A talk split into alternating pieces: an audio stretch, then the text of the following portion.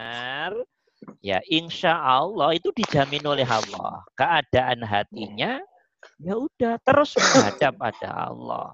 Hati itu diberitahu oleh Allah. Ya, jadi coronanya nggak kelihatan, yang kelihatan Allahnya. Zat hidup yang meliputi corona, zat hidup yang meliputi anjing rabies, zat hidup yang meliputi uh, demam berdarah, dat hidup yang meliputi nyamuk cikungunya, dat hidup yang meliputi apa namanya wabah kolera, dat hidup lo itu makhluk itu kan nggak ya, berdiri ya, sendiri ya. ta sama kayak kita. Ya. Makhluk itu kan hmm. nama hmm. doang ta nama doang. Hmm, oh kayak apa makhluknya ya, juga nggak kelihatan toh. Makhluknya kayak apa? Matanya nggak bisa ngelihat. Mikroskop pun bahkan sangat sulit sekali karena seperti corona ini virus ini wah sangat sangat sangat kecil sekali. Ya. Sangat kecil. Saking kecilnya ya bisa masuk kategori hitungan sudah goib gitu di mata zohir kita kan hmm. tentunya. Nah, tapi ya. bagi pelaku tauhid, bagi pelaku tauhid yang zohir dan batin itu kan diliputi oleh zat hidup. Kan begitu toh? Ya. Lah ya. manakala hati kita duduk pada ya duduk lurus pada ketauhidan ini dan hidup yang meliputi setiap makhluk ini termasuk diri kita termasuk makhluk namanya corona dan seterusnya ya insya Allah nggak ada masalah. Maksudnya iya, nggak ya. ada masalah gimana? Ya udah ngerti itu itu Allah gitu loh maksudnya. Allah. ngerti itu Allah. Terus kor coronanya ganti Allah gitu aja selesai. Secara hmm. hakikat. Paham apa enggak kalau corona itu ramah lo, tapi di dalam corona itu siapa? Yang berirodah dan berkodrah tentang corona Udah. itu siapa? Yang berirodah dan berkudroh tentang manusia dan pada manusia itu siapa? Ra Allah, tak hidup tah. Betul. Jadi ya. sejatinya ya memang Allah pengen begini, dinikmati saja, gitu loh. Hmm. Nah, Allah satu sisi juga ingin memberi banyak rambu pada kita saat uh, tidak ada virus, kamu suka lalai pada aku, suka lupa, suka ghafilin, gitu, hatimu sangat sangat sangat sedikit kembali kepada aku. Tapi dengan corona begini, Nah, banyak orang jadi ya. lumayan banyak Nyatu. kan begitu lah. Ya, ada dua kemungkinan. Ada lumayan banyak zikir, ada yang takut karena kena ya. dan takut mati. Lah itu yang salah. Ya, itu yang salah. Itu yang salah. Mau mati kok hmm. takut. Mati itu nggak perlu ditakuti. Mati itu harus uh, dihadapi dan harus diterima. Pelaku tauhid harus mendudukkan diri untuk menerima il apa namanya keadaan itu. Gitu loh ya. Ya, ya kalau Allah umpamanya menghendaki ini umpama ada ustadz, ulama, kiai, orang soleh oleh Allah di diinginkan Uji. matinya lewat corona. Ya, ya harus siap, corona. siap ya Rob sami'na wa ta'na. Ya. Harus begitu. Orang yang soleh ya, pada Allah nggak boleh pilih-pilih. Ya toh? Nabi Zakaria meninggalnya ya. digergaji, ya siap ya Allah sami'na wa. Loh, masih enakan virus corona. Batuk, batuk, iya. pilek, dua minggu mati kan gitu kan. Iya. iya. ya, coba Nabi Zakaria iya. meninggal digergaji, bayangin itu. Ayo. Subhanallah. Lihat Nabi ya. yang lain, ada yang diikat di onta, digeledek sampai pecah badannya jadi dua. Itu Nabi, hmm. itu Rasul, itu para kekasih Allah. Dia nggak siap menerima sami'na wa ta'na ya Allah. Apa yang engkau kirim kepada hamba siap menghadapi. Nah, kesiapan ya. itulah namanya tauhid. Orang hmm. tauhid itu nggak pilih-pilih. Orang tauhid itu nggak milih-milih. Secara ya, ya. hakikat ya, ya. siap. Nah, wong siap nggak siap akhirnya juga ma mati. mati. Ya tuh? Nggak mati kena ya. corona, masuk angin bisa gitu kan. Ah. Ya. nggak kena masuk angin di tempat tidur tahu-tahu nggak bisa bangun langsung mandiin dikuburin itu sama aja.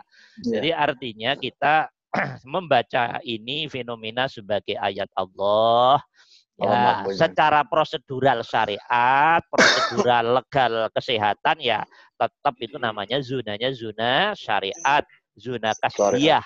Ya harus. Tapi hati tetap ngerti. Corona itu Allah gitu aja. Maksudnya yang meliputi corona itu ya Allah sendiri. Dia kena siapa? Nggak mungkin salah karena dia yang dituju oleh Allah. Allah. Gitu dah. Paham ya? Ya, ya seperti itu Pak Gatot. Ya, dah. Iya. Jadi lihat, kalau gitu lihat boleh Allahnya. kami lihat Allahnya. Ya. Iya, iya. Ada lagi siapa? yang lain? Oh, siapa tuh? Ada masuk. Ustaz, jadi kalau gitu bisa kita tarik uh, suatu kesimpulan bahwa uh, kalau di lingkungan kita di rumah lah misalnya yeah. dalam keadaan aman, mm. terus eh, nggak uh, ada ya kita beralhamdulillah ya Ustaz ya. Mm. Dan kalau uh, di warga kami ada yang kena atau musibah, nah kita uh, sabar di situ. Begitu. Ustaz. Ya pasti. pasti. Ya pokoknya intinya standar aja ya. Selalu melihat pada Allah, selalu melihat pada Allah. Ya. Ya. Ada ya. lagi yang lain mungkin? Ya, terima kasih Ustaz. Cukup. Ya. Yang lain? Kalau daging pakai? Doh, pakai lontong siapa tuh? Boleh tuh. Waduh. Jadi masing-masing. Ya. Sediain lontong. Ngopi ngetes silahkan. Yang nggak boleh oh, iya. ya, silahkan. Ya, ada pertanyaan lagi yang lain mungkin? Ini ada nama siapa ini? Umar Aziz. Umar Aziz yang mana? Yang mana sih? Pak Umar bukan? Pak Umar. Oh, Pak Umar ya? Oh, Pak Umar yang di ini RPP, yang di Amerika, Amerika, berarti dari Amerika. Oh. Gimana Pak Umar? Umar? Bisa ditangkap Pak Umar? Iya, iya sedang sedang jalan-jalan ke Amerika. Oh, itunya uh, mikrofonnya ya? Ya, sengaja, disengaja biar nggak berisik. Hmm. Ini Radi siapa Radi? Oh, Radi. Halo Radi. Assalamualaikum. Ya, oke. Okay. Sudah? Tidak ada pertanyaan lagi? Ini ada Dani. Dani yang mana ya? Dani ya?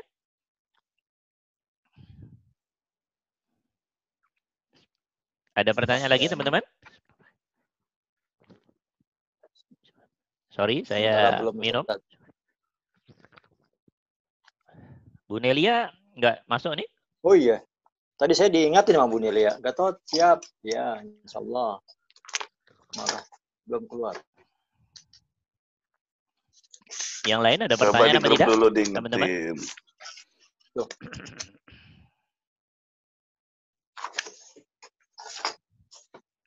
Ini apa nih?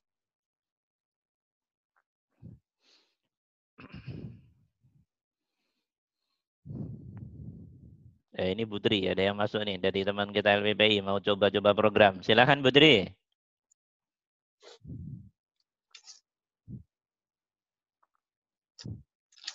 Putri. Assalamualaikum warahmatullahi wabarakatuh, Pak Ustaz. Waalaikumsalam. Waalaikumsalam. Wih, Pak Umar. Gimana kabar Pak Umar? Sehat? Alhamdulillah sehat. Masya Pak Umar. Ah, mana aja Pak Umar pada kangen tuh kelas yang di Kemang. Ah. Lagi di mana Pak Umar sekarang posisi? Sekarang di Amerika. Oh di Amerika ya. Enak suaranya bisa didengar dari situ? Bisa, bisa dengar. Alhamdulillah, alhamdulillah. Berarti nyaman ini program. Ya, oke. Okay. Bagus, bagus berarti. Ya. Nah, ini Putri orang masuk Putri. Ya, alhamdulillah. Halo Putri. Sehat Pak Umar ya semuanya sekeluarga? Insya Allah sehat. Alhamdulillah, alhamdulillah. Ya, ini ya, belum ya. bisa pulang karena di ditutup iya, oleh Trump. Iya, iya. Semua negara kan sedang menutup diri ya.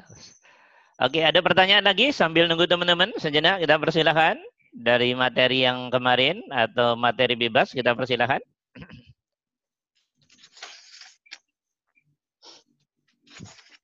Fadal, silahkan.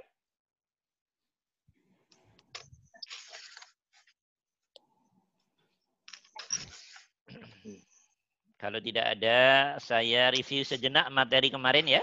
Di layar kelihatan oh, iya. uh, ayat yang kemarin kita bahas? Kelihatan, Ustaz. Kelihatan ya, oke. Okay. Oh. Jadi kemarin kita membahas... Mau, mau tanya wah, sedikit, Ustaz. Boleh, silahkan, oh, boleh. Silahkan, silahkan. Kalau mau merekam ini, iya. itu apa cukup mencet kanan atas ada REC merah itu ya? Uh, sebentar, sebentar. Ulum, ulum. Ada yang Tahu nanya. saya setahu saya setelah saya baca Ustaz uh, Pak Umar, ini uh, yang bisa merekam hanya adminnya saja, uh, uh, tuan rumah. Tapi kalau pesertanya nggak bisa ngerekam. Ya, ya, nampaknya begitu Pak Umar. Jadi nanti ya, kalau umpama pengen rekamannya, tinggal minta ke admin kita saja, ya, langsung dikirim oh, iya. ya. Biasanya teman-teman kita yang nggak masuk kelas karena faktor kesibukan dan seterusnya, biasanya langsung dikirim rekamannya biasanya. Ya. Hmm. Kalau gitu nanti langsung minta Ustadz Ulum aja ya. Boleh, boleh, boleh, boleh, boleh. Ya. ya. Terima kasih. Assalamualaikum. Waalaikumsalam. Waalaikumsalam. Ayo kembali ke layar, kembali ke layar. Ya. Ayat yang lalu kita bahas. Masih hafal ayatnya? Dan idealnya dihafal teman-teman ya, ayat-ayat yang menjadi uh, pegangan tauhid kita, yang itu adalah kalamullah, yang nggak terlalu panjang lah ya, yang pendek ya, dihafal, Jadi dijadikan kopi, pegangan hidup ya. Walakot, ya kemarin sudah tak? Uh, sudah muncul di layar masing-masing muncul? Sudah. Ya, walakot zara'na li jahannama kasiran minal jinni wal insi lahum qulubun la yafqahuna biha wa lahum a'yunun la yubsiruna biha wa lahum adhanun la yasma'una biha ulaika kal an'am bal hum adall ulaika humul ghafilun. Saya review sejenak. Saya review sejenak. Biar teman-teman yang baru bergabung nyambung ya. bunyinya di sini bukan di sini. Oh gitu. Ya lanjut.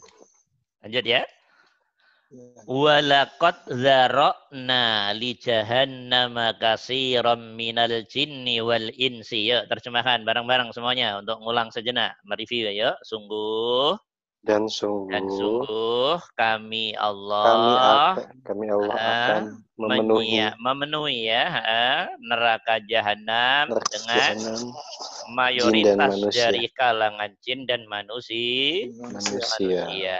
Ingat, kata Allah Ingat ini, ingat beneran ini. Allah redaksinya cukup tegas ya.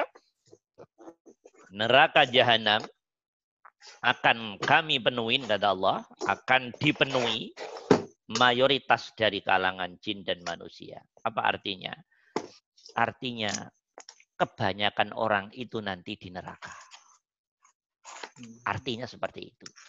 Kasih minal jinni wal ingsi. Kebanyakan orang akan duduk di neraka. Kenapa? Dijawab oleh Allah.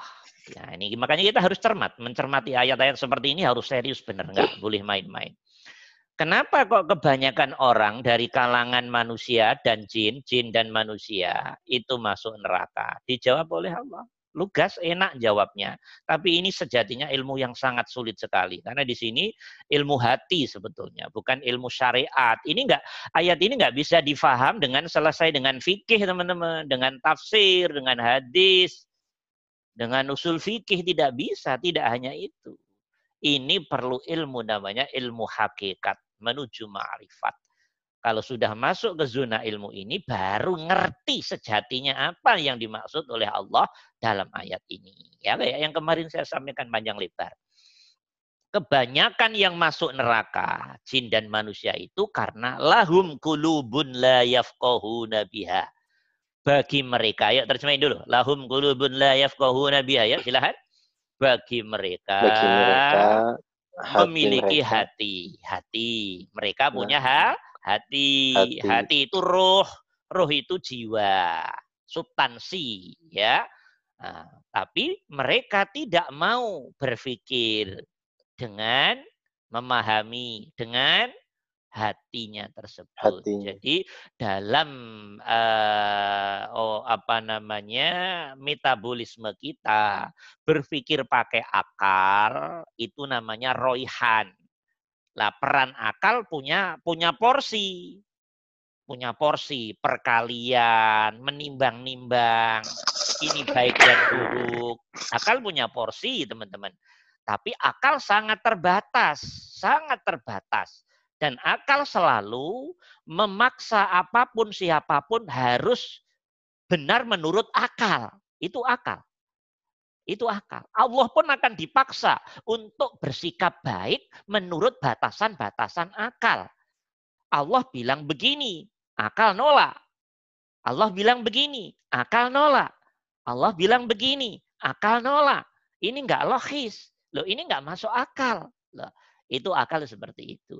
Jadi akal itu contohnya Nabi Ibrahim. Loh masa Allah nyuruh nyembelih anak? Ini kalau penerimaannya secara logika, secara akal, jelas 100% ditolak oleh akal. Ande yafkohuna berpikirnya, menerimanya, memahaminya, menimbang-nimbangnya pakai akal. Akal nggak sanggup untuk itu, teman-teman. Akal tidak, akal tidak sanggup untuk menerima banyak hal yang sifatnya ruhiyah dari Allah tidak sanggup. Maka alat untuk menyampaikan puncak kebenaran, kebenaran-kebenaran dari Allah pada para nabi dan rasul bukan akal, tapi hati. Nah, gitu loh. Teman-teman harus tahu bedanya. Kalau akal hati, akal itu roihan. Dia punya peran untuk menghantarkan sampai pada Allah. Tapi kalau sudah membahas Allah, akal ini banyak kelemahannya, teman-teman. Banyak kelemahannya. Maka ilham lewat hati, wahyu lewat hati semua ilmu Nabi dan Rasul tidak lewat kepala, tapi lewat hati. Namanya wahyu, namanya ilham. Nah ini harus ngerti nih kita, harus ngerti. Harus ngerti. Nah makanya ayatnya, lahum kulubul la nabiha. Manusia jin yang mayoritas masuk neraka, mereka itu punya hati kata Allah. Tapi nggak mau berpikir dengan hati. Nah, kemudian tanya, Bagaimana cara berpikir dengan hati Ustaz? Cara memahami dengan hati bagaimana? Begini. Memahami dengan hati itu lewatnya lewat ilham itu nanti. Lewat wahyu itu nanti. Jadi sejatinya yang ngajarin Allah. Nah, ngerti? Lewatnya rosso, lewatnya kesadaran, teman-teman. Itu yang dimaksud oleh Allah, yafqahu nabiha. Lah, orang yang hatinya masih buta, mata hatinya masih buta, telinga hatinya masih tuli, mulut hatinya masih bisu, bisa tak mereka mahamin sesuatu lewat hati? Jawabannya dengan tegas, tidak bisa. Nah, saya jawab dengan tegas. Kok bisa? Saya udah pengalaman soalnya. Saya udah pengalaman.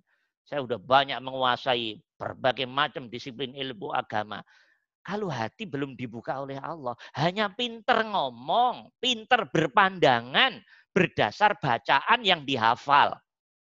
Itu logika namanya, pengetahuan itu namanya teori ilmu namanya. Bukan itu yang dimaksud oleh Allah. Kalau itu masih masih bahaya, masih sangat bahaya, masih sangat bahaya sekali teman-teman. Ya kalau tahu mama masuk surga itu hak jaisnya Allah, hak jaisnya Allah. Nah, kan Allah di sini sudah jelas sekali ngomongnya, lahum qulubul la yafqahuna biha mereka punya hati tapi nggak mau berpikir, nggak mau memahami, nggak mau merenung. Memahaminya, merenungnya lewat rasa dan kesadaran. Karena rasa dan kesadaran itu paling dekat dengan Allah. Nah, apalagi kalau rasonya ahli tauhid. Wah, ini situ yang dimaksud oleh Allah. Nah, dah. Lahum qulubul la yafqahuna biha. ya, sehingga teman-teman, kita harus banyak belajar ayat-ayat tentang tauhid, hadis-hadis tentang tauhid. Jangan ngejar fikih aja. Kalau fikih dari kecil udah fikih terus. Ya begitu-begitu saja. Sudah sudah sudah pinter-pinter fikihnya. Yang maha penting untuk dikejar ayat-ayat tentang tauhid, hadis-hadis tentang tauhid, biar kita menjadi pelaku muahid, menjadi orang yang bisa ngerti makna ya dan menjadi pelaku dari kul huwallahu ahad itu sendiri. Pelaku dari la ilaha illallah itu sendiri. Pelaku dari uh, asyhadu an la ilaha illallah itu sendiri. Nah, begitu ya. Ini makna lahum qulubul la yafqahuna biha. Teman-teman, saya sudah kasih kunci ke teman-teman. Hati kita nggak akan bisa dibuka oleh Allah. Mata hati yang ada di hati kita. Namanya ainul basirah telinga hati yang ada di hati kita, telinga yang ada di hati kita.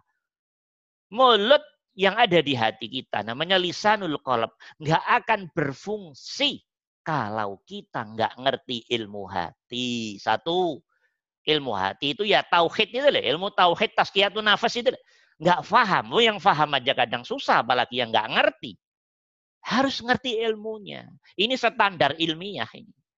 Ya kalau nggak ngerti ya nyari guru yang faham, yang ngerti ilmu tauhid tazkiyatun nafas.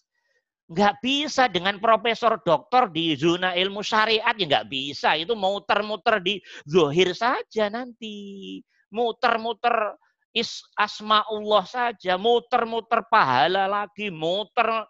Ya Allah. Itu mah kayak anak SD terus. Kapan majunya? Ya, ini pesan dari saya. Jadi guru yang teman-teman cari harus guru akhirat. Guru akhirat itu guru karakternya yang menguasai ilmu hati. Itu satu. Yang kedua laku. Menguasai ilmunya doang tidak laku, belum terpakai ilmunya. Jadi harus menguasai ilmu hati. Yang kedua harus guru itu laku ilmu hati itu. Nah, kalau sudah laku biasanya guru itu nanti sudah mengalami namanya syu'arul basirah, ainul basirah, hakul basirah, terbuka babul ma'rifahnya. Nah itu loh, namanya guru itu guru akhirat. Itu yang teman-teman harus dicari. Sampai ujung mana pun harus teman-teman cari guru itu. Itu yang akan menjadi menyelamatkanmu dunia akhirat itu guru itu. Bukan kok guru profesor, doktor itu banyak di semua universitas banyak itu. Di semua pesantren banyak itu. Bukan itu, bukan itu yang dimaksud. Banyak orang yang ahli agama belum tentu dia jadi guru akhirat. Karena akhirat yang dimaksud oleh Al-Quran ini hakikatnya orang yang menguasai ilmu luar dalam. Gitu deh. Luarnya ya oke, dalamnya ya oke. Dalam itu ilmu batinnya itu deh. Ilmu hatinya itu deh. Ya sudah difutuh oleh Allah. Mata hatinya sudah dibuka, telinga hatinya sudah dibuka, sudah nggak tuli lagi. Uh, mulut hatinya sudah tidak dikunci lagi. Nah, gitu. Jadi khatamallah ala qulubihim wa ala sam'ihim wa ala absarihim itu sudah dibuka. Kalau belum dibuka, walaupun tiap hari bacaannya Quran, bacaannya hadis, tiap hari sholat, sodako, infak, tetap dikunci oleh Allah. Tetap khatamallahu ala qulubihim wa ala sam'ihim wa ala absarihim ghisyawah. Tetap walahum azabun azim. Kenapa? Belum benar. Laku amalnya belum benar. Zahir batinnya belum kelop. Karena ending-endingnya kan keluar dari Allah. Pasti pahala, pasti surga. Pasti apalah sesuatu di luar Allah. Allah nggak mau yang begitu. Kamu belum benar menghadap kepada aku. Kalau toh nanti dimasukkan surga, itu hak jaisnya Allah. Tapi kalau versi ayat ini, tidak, tidak. Sudah jelas sekali. Lahum qulubul la yafqahuna biha. Nah, paham ya? Kemudian ayat berikutnya gimana? Coba dibaca bareng-bareng. Walahum walahum ayunul la yubsiruna biha. Ya, terjemahin bareng-bareng ya. Eh, terjemahin bareng-bareng. Uh, dan, dan bagi dan mereka, bagi mereka ayunun. Apa ayun itu? telinga, Mata. telinga. Telinga. Duh, Mata. telinga. telinga. Wah, kekurangan vocab ini ya. Mata, mata, mata. Mata. Ayunan itu mata. Nah, ini matanya mata hati. Lah di Al-Quran terjemah, teman-teman lihat nanti. Hanya mata doang. Loh mata apa? Mata dohir atau mata hati nggak dijelasin. Padahal yang dimaksud oleh Allah mata hati. Mata hati itu namanya ainul basirah. Bentuknya rasa yang ada pada diri teman-teman. Kesadaran yang menyatu dengan rasa yang ada pada diri teman-teman. Ini bisa jadi tajam, bisa jadi tumpul, tergantung tingkat ketajaman ketauhidan kita kepada Allah. Alam lakunya. Nah, kalau tauhidnya tumpul ya, Tajam. mata hatimu ya buta, telinga hatimu ya tetap tuli, mulut hatimu ya tetap bisu. Nah, gitu lah ya. Nah, karena itu tauhidnya harus dipertajam. Nah, itu lah, laku ilmunya harus istiqomah. Waluhum walahum ayunul la yubsiruna biha. Dan bagi mereka, jin, manusia tadi kebanyakan ayun, punya mata hati punya. Punya mata hati. La yubsiruna biha. Tapi orang-orang itu selama hidupnya tidak pernah memakai mata hati untuk melihat. Gitu loh. Lu cara deteksinya gimana Ustadz? Ya gampang, nggak susah-susah. Ngelihat duit, baru kelihatan duitnya. Berarti mata zohirmu tidak buta. Tapi mata hatimu buta. Karena yang kelihatan hanya duitnya, Allahnya nggak kelihat, kelihatan di hatimu. Itu berarti buta mata hatinya, belum, belum kebuka. Ini masih zona bahaya dalam konteks akidah.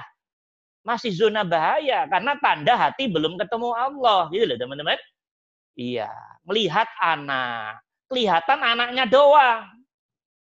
Lucu, nyenengin, kadang nyebelin dan seterusnya. Baru sampai itu, tapi belum tembus ke kesadaran dan rasa zat hidup yang meliputi anak-anak itu belum berarti mata hatinya masih buta. Oh, gitu deh. Melihat apa? Yang melihat apa saja, melihat apa saja. Melihat apa saja. Melihat peristiwa kayak corona ini. Kalau yang melihat mata dohirmu, pasti takut. Takut mati, ya kan? Takut mati. Oh, mati di kamar aja waktunya mati-mati kok ya. iya. Oke, takut ini. Tapi kalau mata hatimu sudah difungsikan oleh Allah, nggak ada yang ditakuti kecuali hanya Allah. Walaupun prosedural syariat ya tetap berjalan lah. Itu nggak usah diomong oleh itu ya. Tapi hati hanya ngadep kepada Allah dan sudah tidak ada rasa takut lagi la khaufun alaihim walahum yahzanun. Yang tahu hatimu sendiri-sendiri, ya dirimu sendiri. Dirimu sendiri. Orang lain nggak akan ngerti. Kecuali rahasia itu dibukakan oleh Allah pada orang lain. Itu namanya muka syafah. Yang namanya muka syafah. Ya, dah. Jadi punya mata, hati, tapi tidak berfungsi. Ayat berikutnya dilanjutin oleh Allah. Walahum azanul la yasma'una biha. Kalau diterjemahin gimana ini? Ini mudah ini. Pintar-pintar ini. Dan bagi mereka, jin, manusia itu kebanyakan azanan. Mereka punya telinga hati, kata Allah. Punya telinga hati. Telinga zohir ada, telinga hati ada. La yasma'una biha. Tapi tetap nggak mampu mereka mendengarkan dengan telinga hatinya. Terus bertanya begini, untuk mendeteksi, untuk mengetahui bahwa telinga hati itu fungsinya berfungsi gimana Ustaz? Nah begini, ini karena ngulang nggak perlu panjang-panjang. Cara ujinya begini teman. Cara ujinya. Telinga hatimu, telinga hatimu berarti sejatinya dirimu sendiri. Saat mendengar apa pun, umpama dengar geledek, der begitu. Itu yang berfungsi baru telinga dohirmu atau telinga hatimu. Itu begini caranya. Kalau muncul ketakutan, muncul mendengar kemakhlukan suaranya makhluk tadi, itu berarti baru fungsi telinga, telinga zohir, telinga indrawi, telinga badan kasar. Tapi telinga badan halus belum berfungsi. Karena kalau telinga halus badan berfungsi, begitu ada suara geledek, geluduk der, hatimu di dalam ngomong begini, itu suaranya Allah. Oke?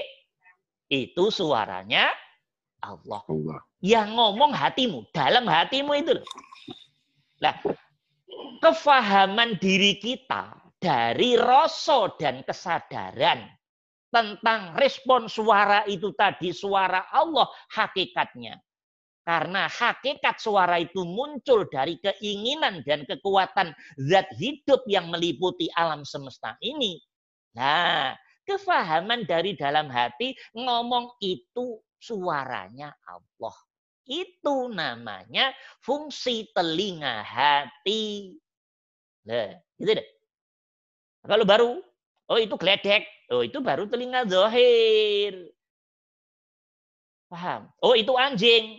Suara anjing, guguk guguk guguk suara. Itu baru telinga zohir, tapi telinga hatimu belum berfungsi. Nah kalau begitu guguk guguk guguk, hatimu di dalam sana ngomong. Loh, gitu. Diingatkan oleh Allah. Atau si suara anjing tadi ngomong, aku ini Allah. Gitu loh, ngerti nggak? Ada kefahaman di hati begitu. Ini nggak bisa direkayasa. Ini pemberian Allah. Efek atau buah dari laku tauhid itu nanti akan seperti itu. Maka kalau diomong sebetulnya nggak enak. Diomong nggak enak. Karena ini ilmu yang bersifat ruhiyah, ilmu hati. Nah, terpaksa diomong begini kan karena memang namanya belajar masa nggak diomong. Gimana kalau nggak diomong? Ya toh? Nah, ini kalau yang belum levelnya dengar begini juga wah, langsung mabuk udah. Ya. Tuh Pak Gatot aja mau mabuk itu ya. ya, oke ya, teman-teman. Ya, dengar suara apa pun di alam semesta, hatimu akan ngomong itu Allah. Maksudnya, sejatinya makhluk itu rahmati, tak teman-teman. Gak ada yang namanya makhluk itu hidup. Yang hidup itu hanya Allah dan hidup. Makhluk itu nggak hidup, tapi makhluk hidup karena diliputi zat hidup itu sendiri. Maka sejatinya hakikatnya suara milik zat hidup yang meliputi makhluk itu tadi. Cuman hati yang masih tuli, mata hati yang masih buta, belum sanggup jebol keadaan ini karena masih tulinya tadi matanya masih buta tadi. Jadi yang kelihatan baru dimensi zohir semuanya. Yang dilihat ya zohirnya makhluk semua. Yang kedengaran ya makhluk semua. Suara burung, gitu kan? Kalau belum tauhid, oh itu suara burung. Begitu. Tapi kalau nanti teman-teman sudah sampai tauhidnya, enggak. Burung akan ngomong, ini suaranya Allah. Burungnya itu loh akan ngomong sampai ke hatimu dan hati diberi paham oleh Allah. Oh suara Allah. Jadi semua totalitas nggak ada yang nggak Allah. Secara hakikat.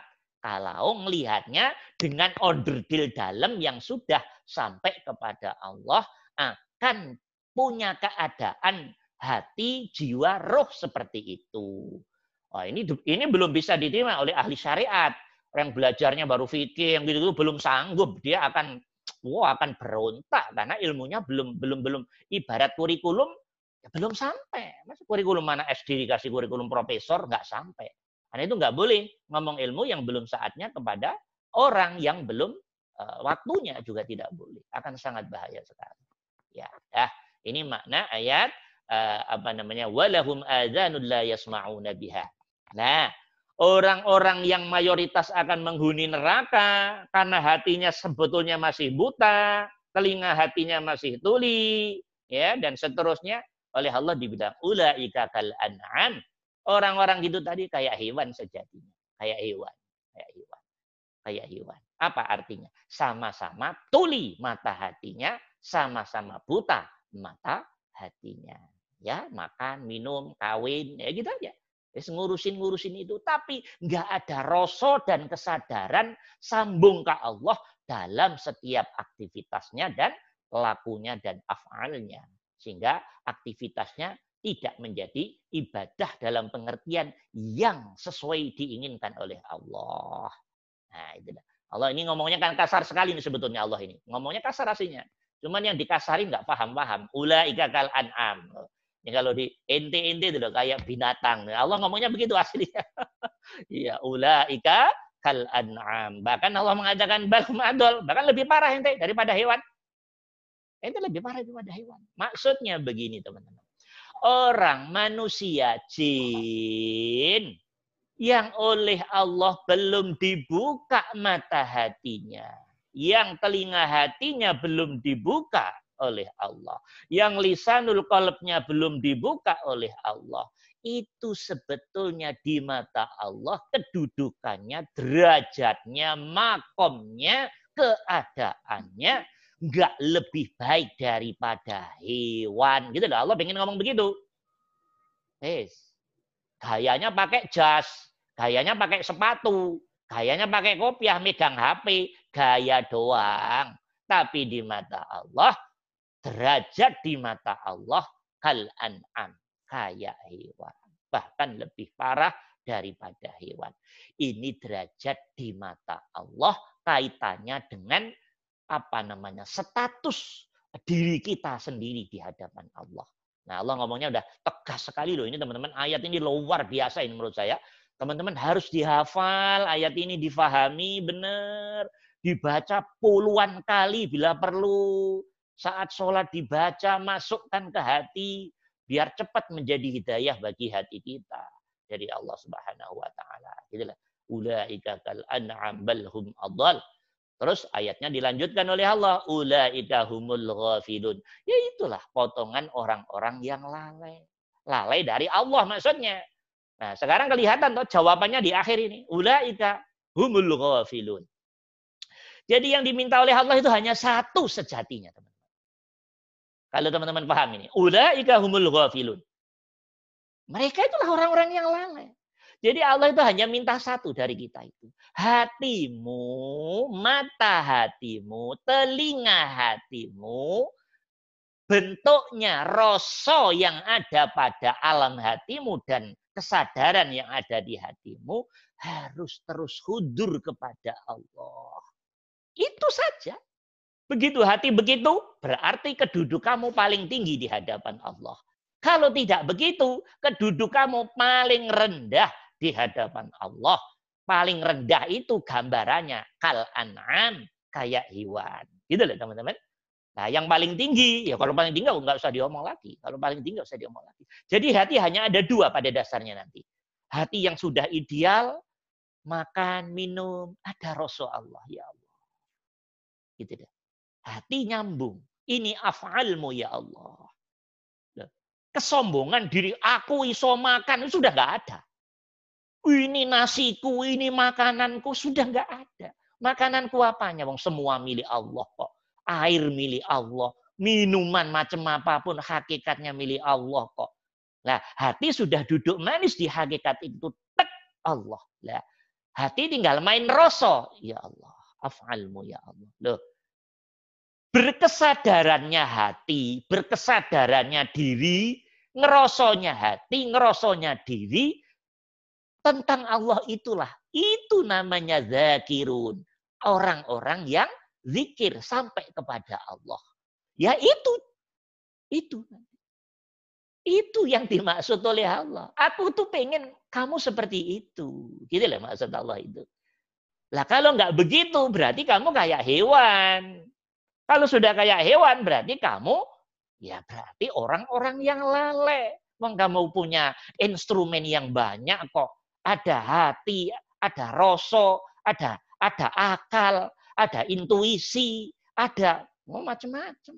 Kok kok jadi eh, apa namanya tidak tajam semua gimana? Nah, gitu loh teman-teman. Dan satu garis bawah dari saya untuk masuk zona ini teman-teman mau berkeliling dunia sampai mana pun saja tidak akan bisa dapat kecuali pasti hanya ketemunya nanti ilmu, amal, istiqomah. Apa tadi? Ilmu, amal, istiqomah. Ilmu yang dimaksud ilmu tauhid tazkiyatun nafas.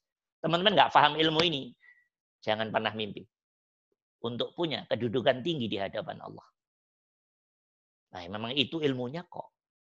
Ya, ilmu tauhid tazkiyatun nafas. Harus paham, harus paham. Yang kedua, ilmu lakunya. Lakunya itu zikirnya tadi.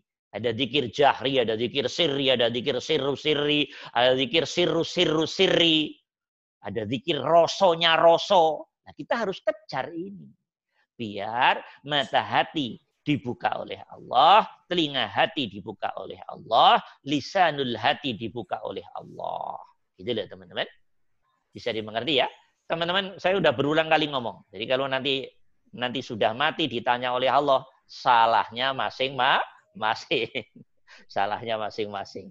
Tiga itu yang akan menjadi penghantar untuk uh, masuk ke zona uh, terbukanya mata hati, telinga hati, dan lisannya hati. Ya, mungkin ada pertanyaan sebelum kita lanjutkan, teman-teman? Dari ayat ini, ayat ini gawat sekali. Tapi karena gawatnya inilah harus kita cermati sehingga menjadi satu uh, kefahaman. Dari kefahaman tadi kemudian menjadi jalan hidayah untuk menjadi syifa obat hati kita. Ya, menjadi rahmat, uh, menjadi hidayah hati kita untuk menuju kepada Allah. Ada pertanyaan mungkin sebelumnya, sebelum kita lanjutin? Kita persilakan. Ini Kadang saya lihat, entar, entar dulu. Ah, saya lihat ada beberapa kelas yang masuk ke sini, tapi belum pelajarannya. Mohon maaf, uh, kurikulumnya mungkin terlalu tinggi ya. Jadi uh, uh, uh, uh, uh, untuk tidak membawa ke ini yang berlebih-lebihan, karena ini kajian teman-teman di level ini sudah kajian ayat yang cukup agak gawat-gawat, maksudnya tinggi kurikulumnya. Karena itu teman-teman yang ini agak agak ini agak bisa membawa diri ya agak bisa membawa diri. Ya, uh, silakan ada pertanyaan. Dadang Pak Ustaz. Eh, silakan. Uh, biasanya kita berzikir uh, khusus itu menggunakan rasa hati. Ya. Uh, uh, kemarin karena mendapat uh, uh, uh, bahasan tentang ini, dicoba untuk uh, bukan hati saja tapi rasa di zikir zikir khusus dengan rasa pendengaran uh, uh, itu agak sedikit uh, susah.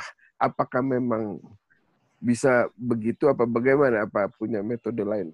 Bukan begini zikir pendengaran tuh begini nanti. Jadi kuncinya semua di hati Pak Dadang kuncinya semuanya ada di terbukanya. Jadi teman-teman harus nanti oleh Allah akan kalau ngamalin dikir itu terus-terusan, nanti akan mengalami namanya ainul basirah dilanjutkan hakul basirah. Kalau nanti sudah mengalami hakul basiroh, terbukanya pintu kemarifatan, teman-teman akan diberitahu oleh Allah. Waktu sholat tuh lo akan ngerti. Walaupun telinga zohir itu dengerin suara TV, radio, ramenya anak, omongan apa, suara apa dangdut, di luar dangdut, diri kita, mau dangdut, mau rock, mau jazz, mau apa, ya hatimu paham. Ya, hatimu yeah. paham hakikat suara itu semua kan sejatinya adalah diliputi zat hidup Allah. Jadi karena itu suara sudah tidak bisa mengganggu hatimu yang sudah diberi faham oleh Allah. Beda kalau kita masih duduk di syariat, sholat dikit ada radio aja, oh marah ini ganggu khusukan yeah. katanya. Emang sholatnya nggak khusuk kok gitu ya kan? Iya, iya. iya. Ada yang nyetel TV dikit, ganggu kehusuan. Nah, emang sholatnya bisa khusuk tak? Sholat itu belum akan bisa khusuk memang kalau belum uh, melewati zona syu'arul basirah, ainul basirah, dan hakul basirah. Tapi kalau hatinya sudah dibuka oleh Allah, suara apa pun udah nggak ngaruh teman-teman. Walaupun gendong anak, Hatimu sudah diberi faham oleh Allah. Kan semua gerakan anak yang kamu gendong. Ini hakikatnya sifatullah af'alullah. Suaranya pun juga hakikatnya. Ya sifatullah af'alullah. Hatimu sudah nggak terkecoh oleh tampilan-tampilan makhluk. Paham apa enggak? Loh ini perlu proses. Sekarang mungkin masih susah gambarin. Tapi kalau nanti sudah dibuka oleh Allah, Oh ini tak yang dimaksud oleh Ustadz itu. Ya, ya, ya. Jadi makanya Nabi kenapa sholat gendong anak kecil. Ya, tapi tetap khusyuk nanti. Karena Nabi uh, posisi hatinya makrifat khosoh. Hati yang sudah tingkat kemakrifatannya paling tinggi. Walaupun anak kecil ini ngomel apa saja, gerak apa saja, hati di dalam itu ngomong, ini ini sifatullah, ini af'alullah. Jadi nggak keluar-keluar juga dari rasa tentang Allah tadi, rasa kesadaran tentang Allah tadi. Nanti begitu jadinya hati. Nah, beda kalau belum jadi, radio sendiri, TV sendiri, suara anak sendiri, suara istri sendiri, suara mobil di luar sendiri, suara burung sendiri, suara geledek sendiri. Kacau, alam semesta ini kayak berdiri sendiri-sendiri tanpa pengendali tunggal. Nah itu namanya hati yang masih buta, bingung, linglung, nggak ngerti. Yes, begitu. Seperti itu keadaan hati yang belum sampai kepada Allah itu belum akan diberi kefahaman oleh Allah lewat rasa dan kesadaran seperti tadi. Nah ini dalam konteks ini eh, apa namanya kefahaman tentang suara itu seperti itu nanti Pak Dadang. Tapi yes. Iya, kalau dalam konteks eh, juhud khusus, zikir khusus, sirul asror, kalau sudah benar-benar fana, semuanya pasti akan dihilangkan oleh Allah. Suara apa pun di luar akan hilang. Oke, tampilan apa pun di luar akan hilang. Semua hanya hilang lebur dan yang ada tinggal rasa tentang Allah sendiri. Nah itu namanya itu babul mukasyafah itu nanti seperti itu. Teman-teman dengan sering zikiran sirul asror itu nanti pada titik tertentu akan jadi kayak kayak orang mati teman-teman. Dirimu itu loh, sudah mati sebelum mati. Duduk tapi mati beneran. Nunggu disadarkan oleh Allah dan muncul di hati itu rasa adem damai, jenjem. Terus pokoknya nggak bisa digambarkan. Itu tanda bahasa dari Allah. Kamu barusan saya masukkan di latifah robbaniyahku. Alam akhirat bahasa. Bahasa yang teman-teman bisa terima seperti itu. Alam akhirat lah begitu aja. Nah, itu benar-benar suara apa pun hilang. Dihilangkan oleh Allah. Hilang. Tampilan apa pun hilang. Yang ada hanya rasa dan kesadaran tentang Allah. Nah, seperti itu. Itu namanya fana.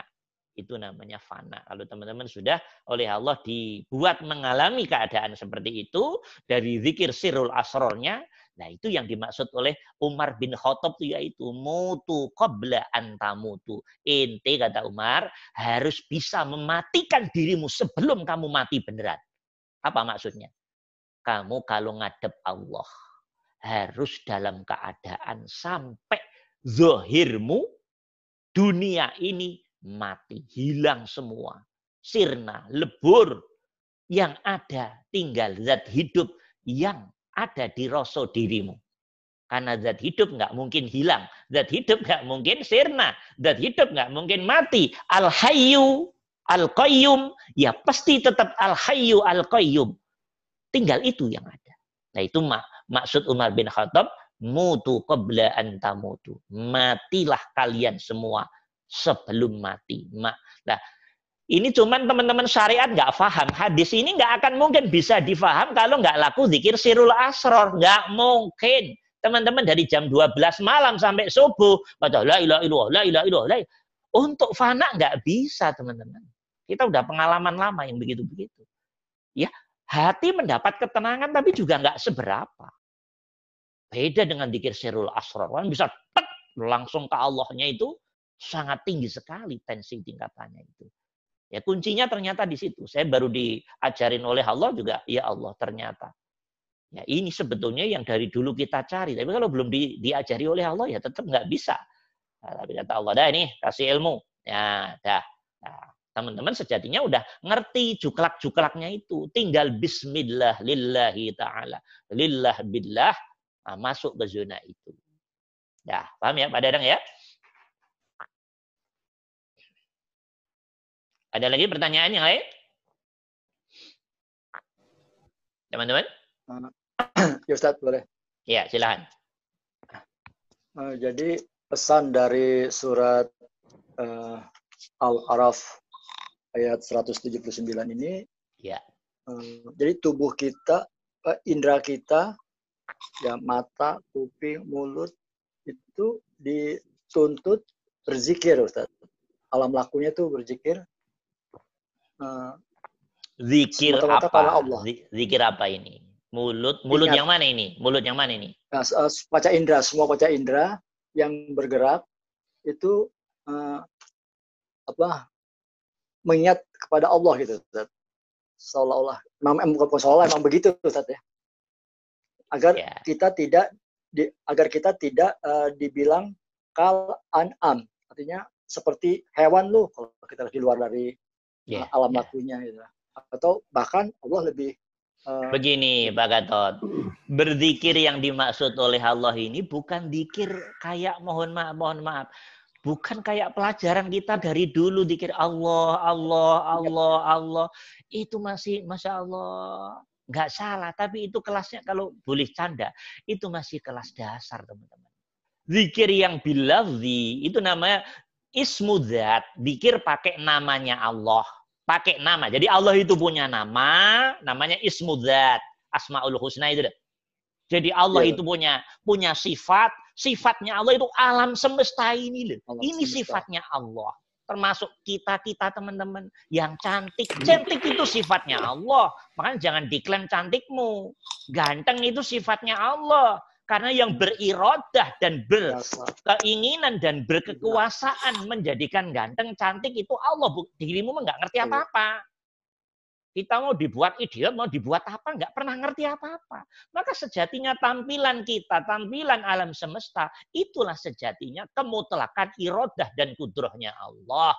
Itulah hakikatnya maunya zat hidup yang yang muncul yang bisa terbaca lewat sifat dalam tampilan semua alam kehidupan semesta ini, termasuk diri kita. Itu namanya sifatullah. Nah, nanti belajarnya harus ditambah lagi nih. Nah, af'alullah, pergerakan, pergerakan alam semesta ini, termasuk pergerakan kita, itu sejatinya pergerakan roh yang ada di diri kita. Kalau jasad kan hakikatnya mati, tak? kalau nggak ada roh. Jasadnya begitu ditinggal roh, tak? jadi bangkai. Tak? Nah, ya tak? Yang kayak kena corona aja lah. Mau mati aja, nyentuh aja nggak mau kan? Nah, karena ya itu jasad, jasad. Begitu ditinggal roh, bangkai jasad ini. Berarti hakikatnya yang beraktivitas bukan jasad kita, tapi roh kita. Lah roh kita itu diliputi zat hidup, yaitu dia Allah. Berarti hakikatnya yang berperan bukan dohir kita. Karena dohir kita itu hakikatnya makhluk, makhluk itu hakikatnya mati. Yang hidup hanya Allah. Nggak mungkin Allah hidup, makhluk hidup. Berarti ada dua hidup. Yang hidup, maha hidup, al-hayyu, itu hanya Allah saja. Allahu la ilaha illa huwa al-hayyu al-qayyum. Nah, itu namanya zikir zikir asma, Pak Pak Pak Pak, Pak Gatot.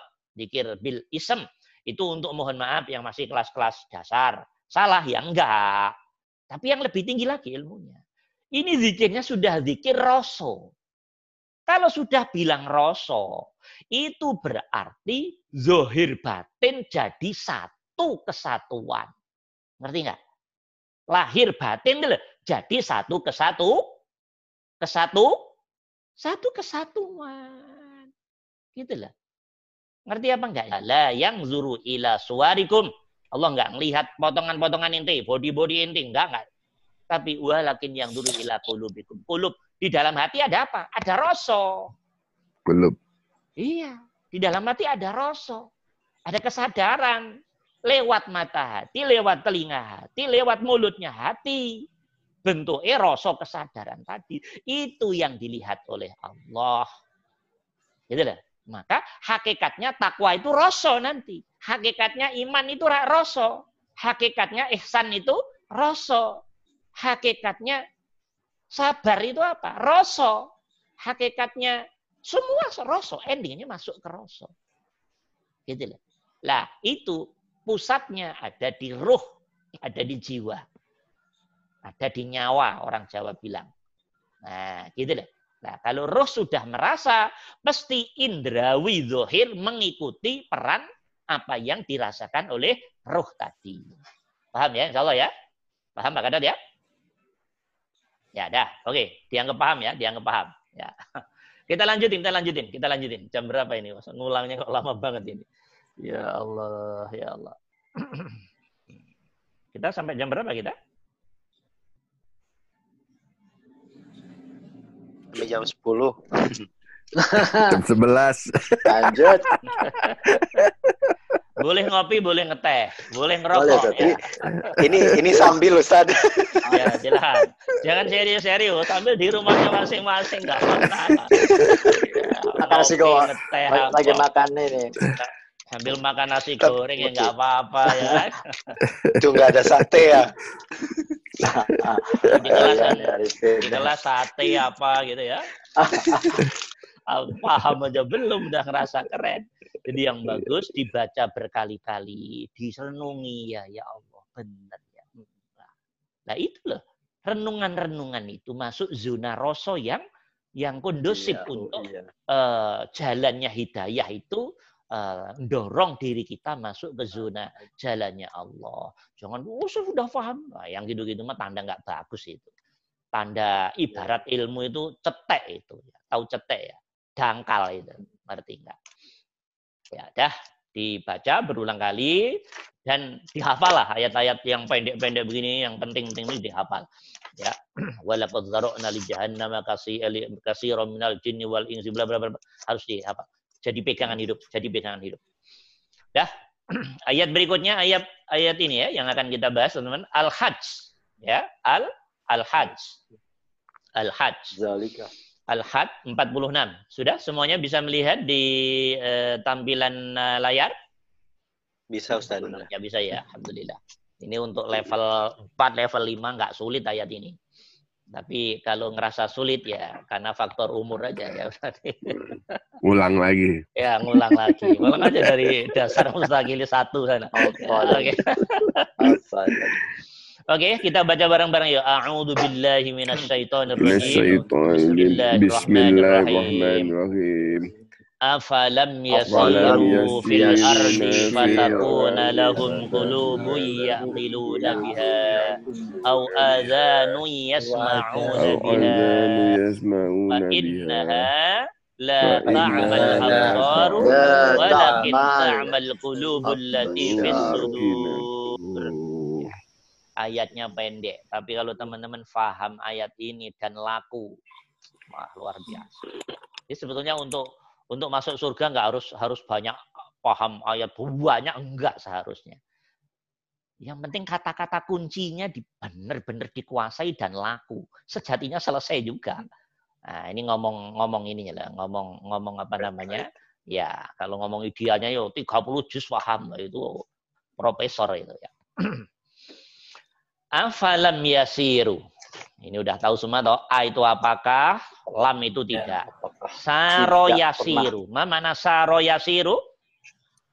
Jalan. Mereka berjalan. Berjalan. Sama dengan masa yamsi. Berjalan teman-teman. Saro yasiru. Berjalan. Sairon. Mereka berjalan. Ya? Afalam yasiru. Domirnya apa domirnya ini? Domirnya apa? Dom. Mereka. Hum. Hum. Ya. Hum. Ya lumayan lah, masih ada yang pintar lah ya. ya. Pak Dadang jadi ingat ini. Afalam yasiru. Fil ardi maklum fatakuna. Maka menjadi ya, menjadi lahum kulubun. Udah sama dengan tadi, lahum kulubun yaqiluna biha. Yaqiluna dengan yafqahuna sama. Yaqiluna dengan yafqahuna sama. Au adzanun yasma'una biha. Sama dengan tadi Ya, sama dengan tadi au adzanun yasma'una biha. Yes. Tapi di sini oleh Allah disangkal habis-habisan oleh Allah. Yes. Ya Allah, Benar. kita beragama ini kalau nggak paham ayat-ayat begini, wah luar biasa, nyesel setengah mati di akhirat nanti. Fa innaha la yes. ta'mal absor. Nih, fa innaha la ta'mal absor. Absor. Ya, la ta'ma. Ta'ma artinya dada. Nah, so. Tama buta toh? Buta. Nah, buta. Tama tidak buta. buta. Al absoru mata zohirnya. Mata mata, mata zohirnya, mata indrawinya. Mata indrawinya sih nggak buta kata Allah. Fa inna la ta'mal absor. Mata Ta mata zohirnya nggak buta. buta. Telinga zohirnya yang nggak Mati. Mulut zohirnya yang nggak bisu walakin ta'mal qulubul lati fis sudur. Ini menguatkan ayat yang sana tadi teman-teman. Akan tetapi buta mata hati yang di dalam hatinya, yang ada pada rohnya, yang ada pada jiwanya, yang ada pada dirinya. Tuli telinga hati yang ada pada ruhnya, jiwanya, dan hatinya. Bisu mulut hatinya yang ada pada ruhnya, dan atau jiwanya. Nah, dah. Yuk diterjemahkan bareng-bareng. Apakah apakah mereka tidak berjalan, mereka di, berjalan bumi. di bumi uh, ada sehingga orang, ada orang yang nggak berjalan di bumi ada nggak ada ada. ada Insya Allah semua jalan ngambang. di bumi ya, ya. ada yang ngambang berarti di keren bulan. ya di bulan nggak balik ya. lagi apalam yasiru fil ardi lah Coba Allah ngomongnya kan kasar ini. Sejatinya kalau ngerti bahasa Arab kok Allah ngomongnya begini ya. Afalam yasiru fil adi kata Allah. Loh, mereka mereka itu siapa? Jin dan manusia tadi loh yang mayoritas akan masuk neraka tadi. Kalau mereka diganti kamu ya antum berarti kan begitu. Loh, ente ini nggak pada jalan di bumi tah. Di bumi ada aneka pohon, di bumi ada aneka hewan, di bumi ada aneka virus, di bumi ada aneka ayat-ayat apa namanya ayat. planet, ada bulan, bintang, matahari, di bumi ada angin, air, di bumi ada oksigen, karbon, macam-macam. Loh. Kamu lihat tak itu semua? Ciptaan Allah. Kalau itu teori, itu teori. iya, itu teori. Yang dimaksud Allah bukan itu. Ya kalau just, justru Allah pengen mematahkan ini tadi. Itu Allah. Ini yang, yang putranya rame tolong di ini ya. Suaranya di dimatikan aja, di di mute saja biar yang lain tidak. Ya. Takutnya nanti semuanya begitu ya. Masuknya begini teman-teman. Allah ini sebetulnya pengen, pengen apa? Nonjok muka kita itu loh, ngerti nggak? Cuman yang ditonjok mukanya nggak paham-paham. Ya Allah, bahasa Lampar, Allah itu Ustaz. begini. Loh. Iya, bahasa Ditampar. kasarnya. Loh, kamu itu tiap detik, setiap saat melihat semua apa tampilan di bumi. Mendengarkan semua apa yang terdengar di bumi menikmati semua yang bisa dinikmati di bumi. Oh, semuanya lah. Lanjutkan sendiri. Ini mana afalam yasir itu Allah pengen giring ke sono. Kok tiap hari kamu itu jalan. Tiap hari kamu itu menikmati hidupmu. Dari bangun tidur ke bangun tidur lagi. Aktivitas, makan, minum, kerja. Nyari duit dan diberi duit ada sehat, ada sakit, semua macam-macam di sana. Afalam yasiru fil ardi. Enggak ngerti ini semua tak ente ini kata Allah. Di mana matamu? Di mana kata Allah? Ngomongnya kasar tuh sejatinya. Loh. Di mana matamu ini? Gitu loh. Di mana telingamu? Pada ke mana? Loh. Bahasanya Quran. Afalam yasiru fil ardi. Loh. Mereka enggak jalan di bumi tak? Ini yang dimaksud bukan ke Allah jalan dikit dikit. Bukan begitu maksudnya. Kamu itu kan tiap hari melihat semua tampilan alam semesta. Dan itu adalah di dalamnya saya liputi diriku. Hidup yang meliputi itu semuanya. Matahari nggak bisa panas kalau di dalamnya tidak diliputi oleh hidup. Matahari nggak mungkin ngeluarin energi kalau matahari tidak saya liputi, saya kuasai, saya kendalikan, saya pelihara. Semuanya masuk ke semua makhluknya Allah. Ayo, sebetulnya Allah pengen nanya gitu. Kok ente ini hanya jalan doang? Makan, tidur, kerja, makan, tidur, kerja. Rumah, mobil, rumah, mobil, anak, istri. Pikiranmu kok hanya itu melulu. Tambah apa lagi nih? Kredit motor ya. mikir kredit motor, mikir kredit mobil. Kok pikiranmu itu melulu kata Allah. Tapi apa yang kamu lewati di bumi ini, apa yang kamu lewati detik per detik di bumi ini, apa yang kamu lewati nafas per nafas di bumi ini, nggak banyak artinya bagi dirimu hubungannya terhadap aku Allah. Karena yang kamu lewati nafas per nafas, yang kamu lewati detik per detik, hanya baru sampai zona ke dimensi makhluk saja. Kamu lihat matahari, ya hanya matahari doang. Tapi mata hatimu, telinga hatimu buta apa yang ada di dalam yang meliputi matahari, yang menguasai matahari, yang mengendalikan matahari. Gitu loh. Kalau dilanjutin semua pertanyaan berlaku untuk semua makhluk. Kenapa kamu kok begitu terus-terusan? Kata Allah itu begitu. Afalam yasiru fil ardi. Enggak jal. Kok begitu terus-terusan kata Allah. Gitu loh, gitu loh. Maksudnya begini teman-teman.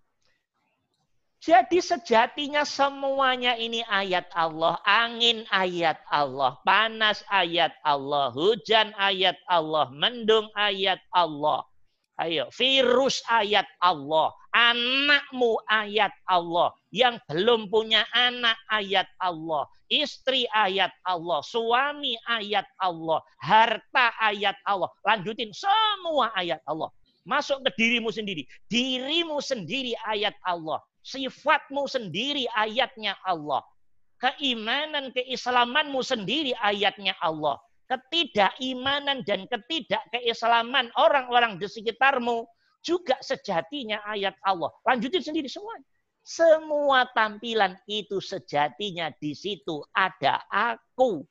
Tapi kenapa dirimu hanya jalan doang?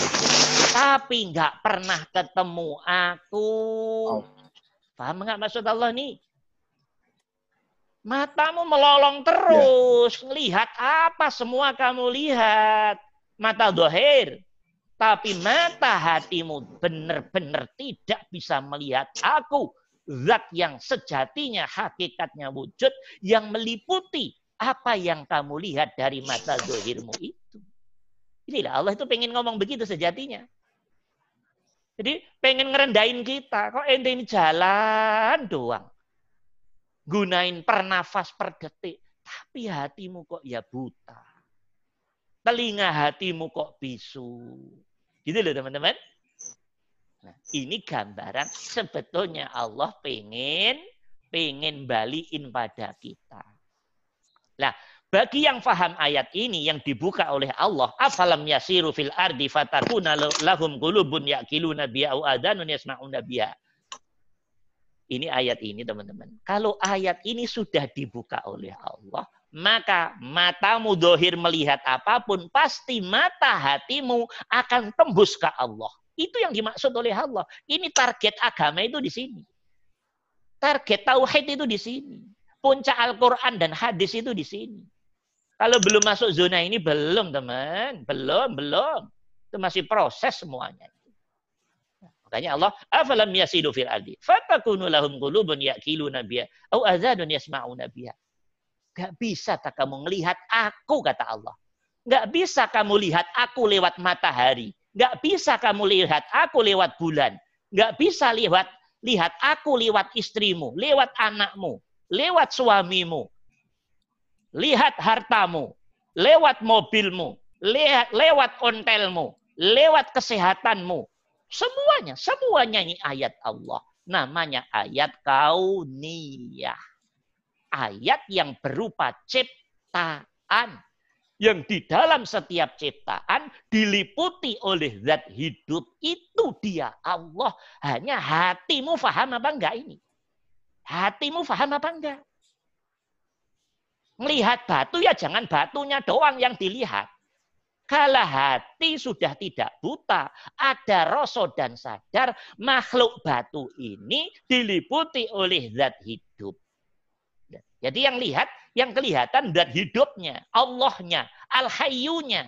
Rasa dan kesadaran tembus pada zat hidup setiap apa yang dilihat dari uh, uh, mata zohir dan setiap yang didengar telinga zohirnya kemudian tembus ke mata hati dan telinga hatinya, itulah sebetulnya maksud Allah dalam ayat ini. Jangan jalan doang kata Allah. Paham? Itu yang dimaksud oleh Allah. Jadi semua yang dilihat, semua yang didengar, hati sudah tandes ke Allah. Nyambung ke Allah. Jadi tidak ada satu barang pun di dunia. Ustadz, lihat kotoran Ustadz. Mau kotoran, mau apa? Rak makhluk tak namanya. Karena makhluk ya pasti diliputi oleh zat hidup, tak teman-teman. Karena makhluk ya pasti diliputi oleh Allah lah. Karena makhluk pasti diliputi oleh Tuhan kita. Nggak ada alam semesta ini seujung jarum pun yang nggak diliputi oleh Allah. Hati harus duduk di sini, di tauhid ini. Itu dia teman-teman. Selamat Bu, Bu, Bu Ubi. Bu Ubi masuk ini. Masuk, Ustaz. Udah lama. Alhamdulillah. Udah lama baru ini. Waalaikumsalam. Ah, ya. baru Ustaz. Baru, Wah, ya. udah ketinggalan ini. Filmnya udah mau selesai ini. Ya. iya, baru lihat. Ya. Yang penting yang penting udah ini kan, sudah bisa nanti untuk pas pelajaran kita hari Ahad nanti udah bisa. Ya, alhamdulillah. Salam ya sama Bapak Rahim ya. Ya, insya Allah, Ustaz. Ya, Ada nih, Ustaz. Nanti bilangin Umi Cia dan teman-teman suruh belajar. Nanti pas ini kalau nggak adaptasi nanti repot nanti. Ya. Ya, oke, okay, nah, Oke, artinya walaupun Allah nguji lewat corona begini, belajar tentang Allah jangan berhenti bahaya. Kalau mati bagaimana? Enak. Jadi yang yang kita kejar itu justru pelajaran ini untuk menyiapkan diri sewaktu-waktu dipanggil oleh Allah. Ya, Itu makna ayat tadi afalam yasiru fil ardi fatakunu lahum qulubun yaqiluna biha au adanu yasma'una biha.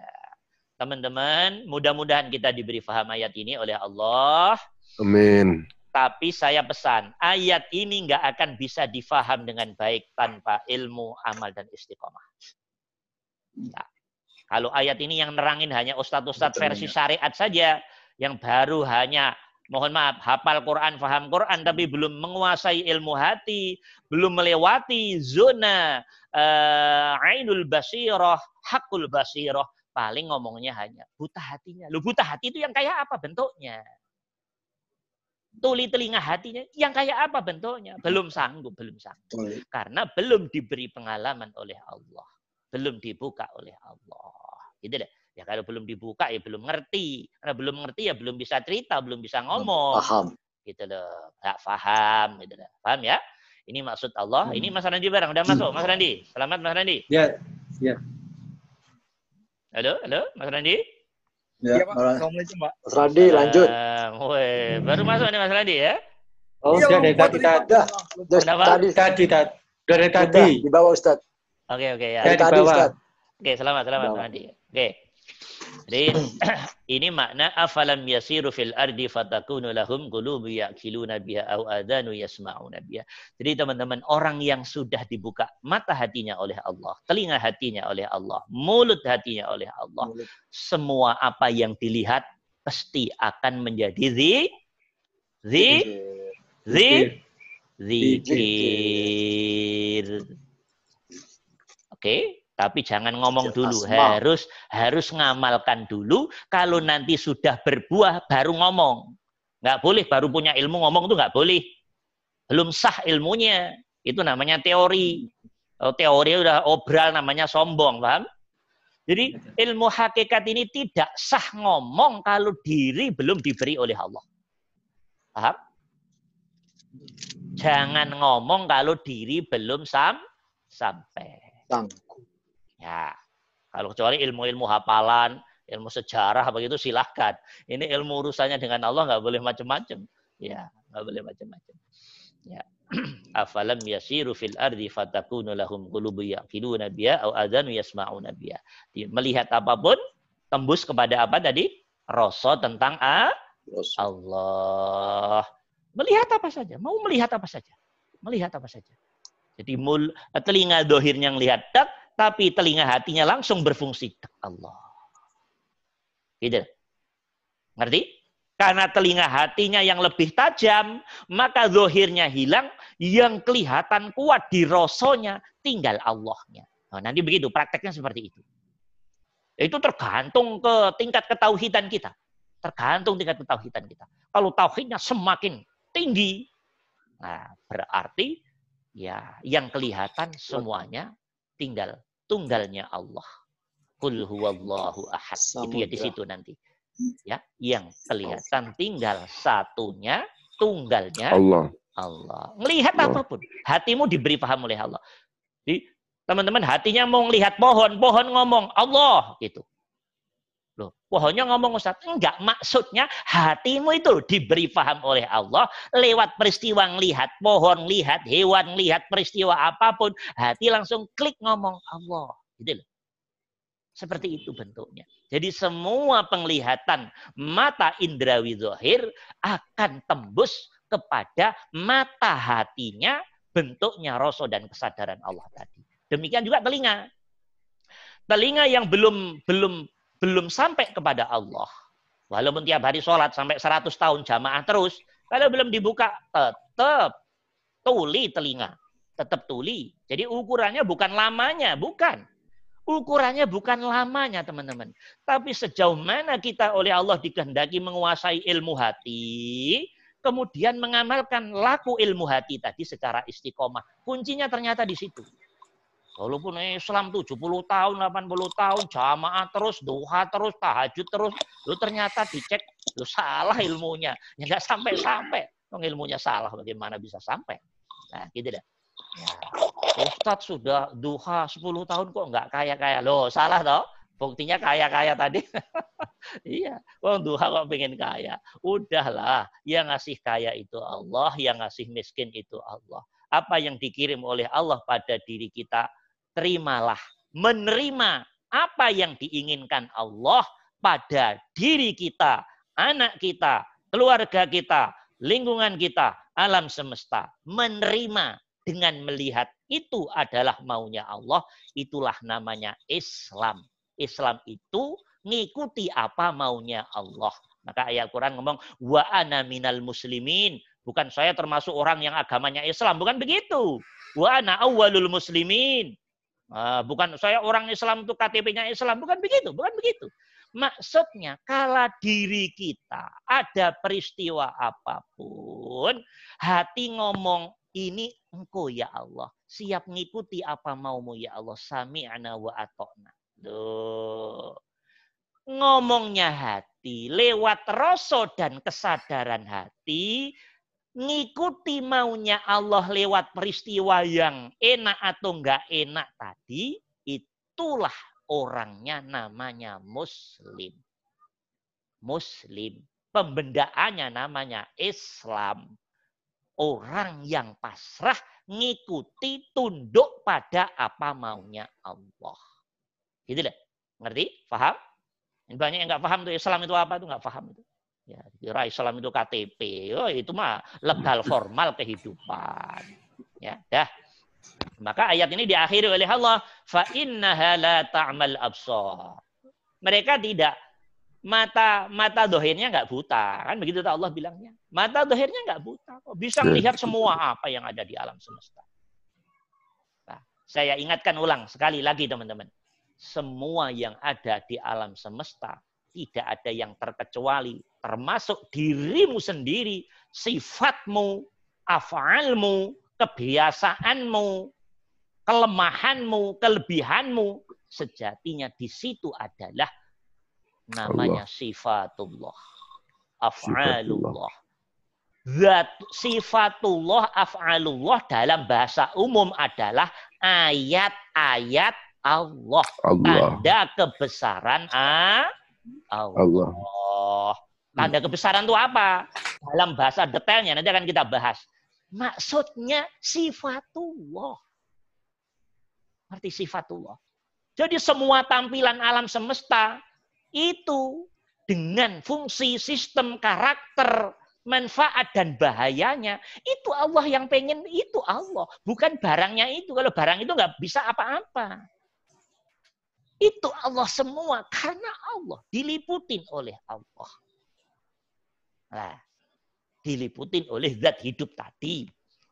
Tinggal hatimu, matamu, telinga hatimu bisa nangkep apa tidak. Paham ya? Paham ya? Semua. Tapi ini nggak mudah, ini susah teman. Untuk masuk ke zona ini, ya perlu tiga lagi tadi saya bilang. Ilmu, amal, istiqomah. Beruntung teman-teman yang oleh Allah sudah oleh Allah didorong terus untuk mengamalkan masuk ke zona tiga ini. Itu tanda-tanda keberuntungan. Itu tanda-tanda keberuntungan. Itu tanda-tanda keberuntungan. Nah, yang masih malas-malas gimana Ustadz? Ya beruntung dikit lah, beruntung dikit. Ya masih beruntung dikit. Ya oke. Okay. Ya, ya. Nah, itu untuk konteks melihat. Untuk konteks mendengar, ya sama. Mendengar apa pun nanti akan dijawab dari hati Allah. Maka hati Allah. Nyambung ke Allah. Nah, fa innaha la ta'mal absar walakin ta'mal qulub allati fis sudur. Nah, kalau hati, mata hati yang di hati itu buta, telinga hati yang dalam ruh itu buta, lisan yang di dalam ruh itu buta, ilaliko. Susah kita untuk sampai kepada Allah, teman-teman. Susah untuk sampai kepada Allah. Nah, kalau nggak sampai pada Allah, berarti kita nggak kenal Allah. Kalau nggak kenal Allah, di dunianya nggak kenal, di akhiratnya juga tetap nggak kenal Allah. Ini risikonya itu. Itu yang dimaksud oleh ayat. Maka nafi hadihil a'ma. Yang di dunianya nggak kenal Allah, buta dari Allah, padahal Allah di mana-mana, termasuk di dalam dirimu sendiri, kok dirimu nggak kenal, nggak ngerti lewat rasa dan sadarmu tadi bagaimana kata Allah. Sampai Allah ngomong di Al-Qur'annya, aku lebih dekat daripada urat nadimu kok, urat lehermu kok. Yakin-yakin. Nah, di situ. Nah, walakin takmal qulub allati fis sudur. Sekali lagi, yang di dunianya buta mata hatinya, belum sampai ke Allah, enggak kenal Allah, padahal Allah ada dalam dirinya dan meliputi semua makhluknya tanpa kecuali, maka di akhiratnya nanti akan dijawab oleh Allah, walakin takmal qulub. Uh, ayatnya gimana? Wa huwa fil akhirati a'ma wa adallu sabila. Di akhiratnya dia akan tetap buta, bahkan lebih parah. Ini peserta mustakili saya wanti-wanti ini harus memahami ayat ini dan terus mencari solusi. Jangan hanya udah baru level 4 5, udah cukup, udah pinter, masya Allah, masya Allah. Itu tanda-tanda tanda-tanda tidak baik bagi diri kita, bagi diri teman-teman. Mungkin ini cukup sekian teman-teman untuk ayat ini sebagai penguat ayat yang kemarin. Ada pertanyaan? Kita persilahkan. Waktunya udah uh, habis nampaknya. Silahkan kalau ada pertanyaan dari teman-teman. Sorry Pak, pertanyaan buat saya terakhir ya Pak ya. Silahkan, silahkan. Ini siapa ini? Ya Pak, jadi saya Junarto Pak, maaf. Oh iya, mohon jadi maaf. pada dasar, pada dasar Ya. Pak, jadi pada dasarnya pada dasarnya itu manusia itu tidak ada ya, Pak. Jadi pada dasarnya itu kita tuh nggak ada ya. Kita nggak eksis Pak ya. Sebenarnya eksis itu Allah ya Pak ya. Benar. Benar. Tapi saya jawab benar. Tapi tidak boleh ngomong itu sebelum laku. Mengerti maksud saya? Yang ngomong itu harus sudah laku. Laku itu menguasai ilmunya, sudah amal, dan sudah mendapat buah. Baru omongan itu muncul. Kalau masih dalam proses, proses harus diikuti proses. Paham maksud saya, teman-teman? Ya? Hmm. Ya. Oke. Yang lain mungkin kita persilahkan. Suara saya, suara saya bisa ditangkap dengan bagus oleh teman-teman? Jelas, Jelas. Bagus, Ustaz. Oke, alhamdulillah. Silakan kalau ada pertanyaan yang lain. Saya Pak mau tanya. Ya, ya silakan. Ustaz begini kan uh, pada dasarnya kan kita mengakui ketauhidan Allah dan kita sudah mulai sedikit memahami bahwa memang semua akan diliputi oleh Allah. Nah, Benar. tetapi kan di sekitar kita banyak orang yang beragama lain yang mereka juga mempunyai, mempunyai Tuhan yang ya kalau sebenarnya kalau mereka memang Tuhan mereka adalah Tuhan yang menciptakan hal ini harusnya kita juga mengakui mereka bahwa yang Tuhan mereka adalah Tuhan kita juga. Nah, ya. tapi kalau kita menganggap Tuhannya banyak yang berbeda-beda. Oh, Tuhan agama itu beda dengan Tuhan saya. Nah, itu kan artinya apakah hal tersebut juga termasuk kita tidak mentauhidkan Allah atau seperti apa, Ustaz? Apa gimana kita menyikapi satu? Oke, begitu teman-teman. Ini agak agak susah dijawab kalau yang belum sampai.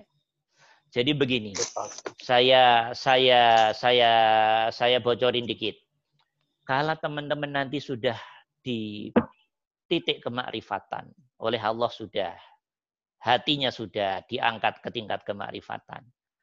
Di sana sudah tidak ada konflik. Mengerti? Sudah tidak ada kon konflik. konflik. Mengerti? Hatimu akan diberitahu oleh Allah. Hatimu akan diberitahu oleh Allah.